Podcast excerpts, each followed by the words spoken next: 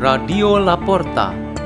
The door is open for you for the growing of knowledge and wisdom of God. By the La Porta collaboration, led by Peter Tukan, priest of the Salesians of Don Bosco.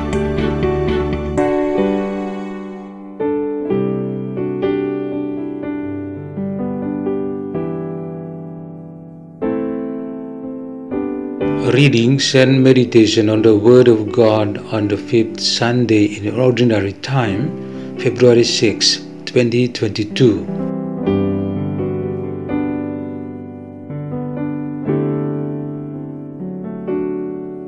The reading is taken from the book of the prophet Isaiah, chapter 6, verses 1 to, to 8, verses 3 to 8.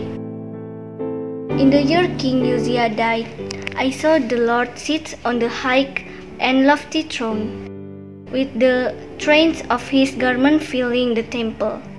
Seraphim were stationed above. They cried one to the other, Holy, holy, holy is the Lord of hosts. All the earth is filled with his glory. At the sound of that cry, the frame of the door shook, and the house was filled with smoke. Then I said, Woe is me!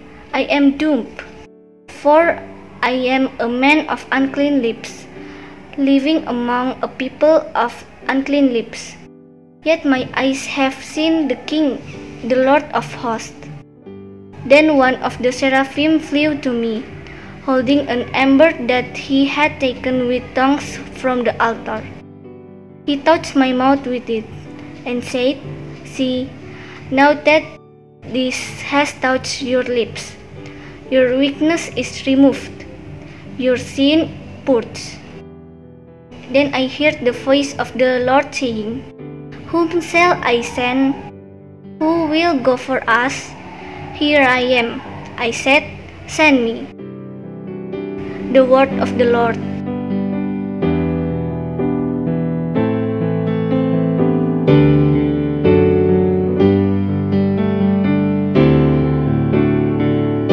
The reading is taken from the first letter of St. Paul to the Corinthians.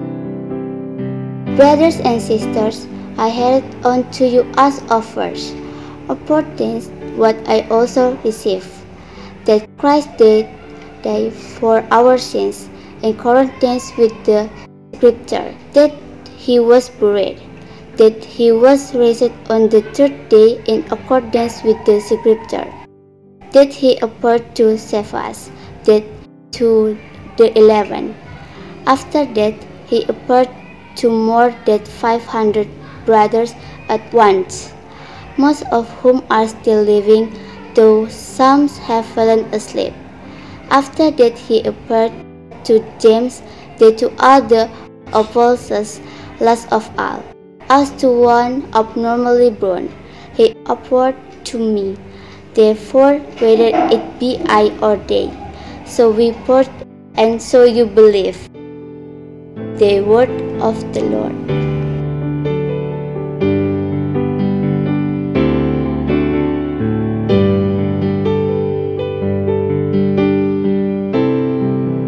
The Gospel of Jesus Christ according to Luke chapter 5 verses 1 to 11. While the crowd was pressing in on Jesus and listening to the word of God, he was standing by the lake of Gennesaret. He saw two boats there alongside the lake. The fishermen had disembarked and were washing their nets. Getting into one of the boats, the one belonging to Simon, he asked him to put out a short distance from the shore. Then he sat down and taught the crowds from the boat. After he had finished speaking, he said to Simon, Put out into deep water and lower your nets for a catch.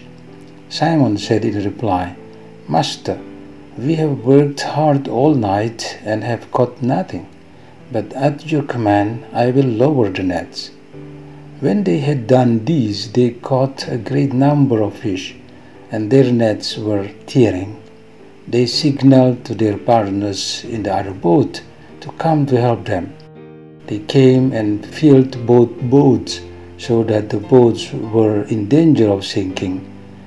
When Simon Peter saw this, he fell at the knees of Jesus and said, Depart from me, Lord, for I am a sinful man.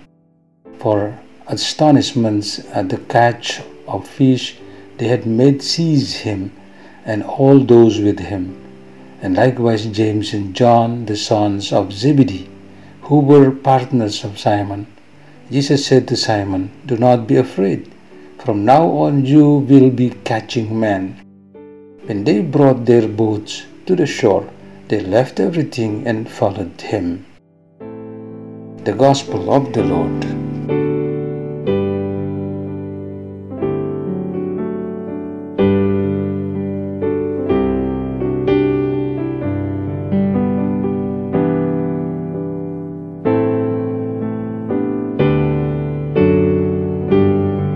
Meditation on this fifth Sunday in Ordinary Time has the theme Nothing to Lose.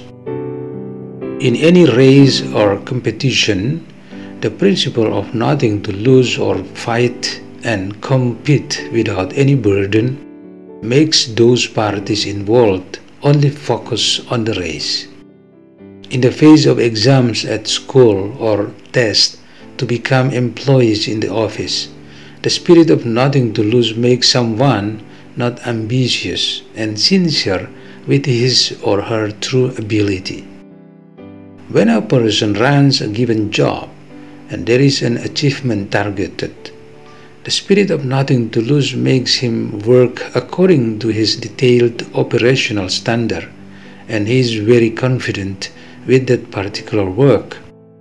A person who struggles to defend his self esteem because he has been slandered and humiliated. The belief in nothing to lose encourages him to take the legal path that is as just as possible. And based on that belief, he is willing to resolve it amicably and wisely without any regret, anger, or hatred.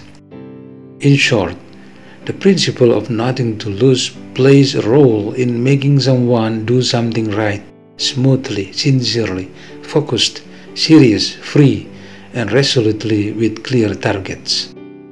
We learn from today's readings about this mental attitude.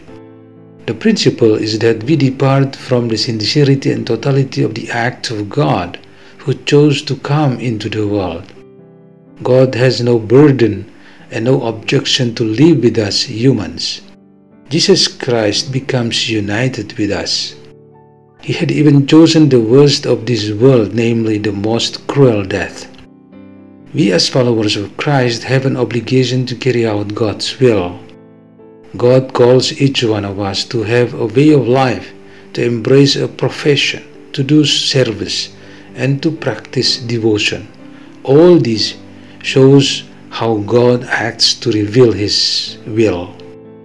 When we admit and accept it, our attitude should be total and sincere, like the Lord Jesus Himself, who was total and sincere to His mission. The prophet Isaiah should be our example with his famous statement, Here I am, send me. Meanwhile, the disciples who were called by Jesus with the duty to be the fishers of men left everything and followed Jesus. St. Paul strengthens us in the sincerity and totality of Christianity, namely as credible persons. For him, there is no true Christian witness if there is no correlation between teaching and life, thought and action, proclamation of gospel and life of gospel, prayer and work. If you say one and do the other, your credibility as a Christian must be questioned you do not have the principle of nothing to lose in the way as a disciple to the Father. Therefore, let us be sincere, focused, and total as the followers of Christ. Let's pray in the name of the Father, and of the Son, and of the Holy Spirit. Amen. Dear Father, bless and have mercy on us to become your true children. Our Father who art in heaven, hallowed be thy name. Thy kingdom come, thy will be done on earth as it is in heaven. Give us this day our daily bread and forgive us our trespasses, as we forgive those who trespass against us. And lead us not into temptation, but deliver us from evil. Amen. In the name of the Father, and of the Son, and of the Holy Spirit. Amen. Radio La Porta. The door is open for you.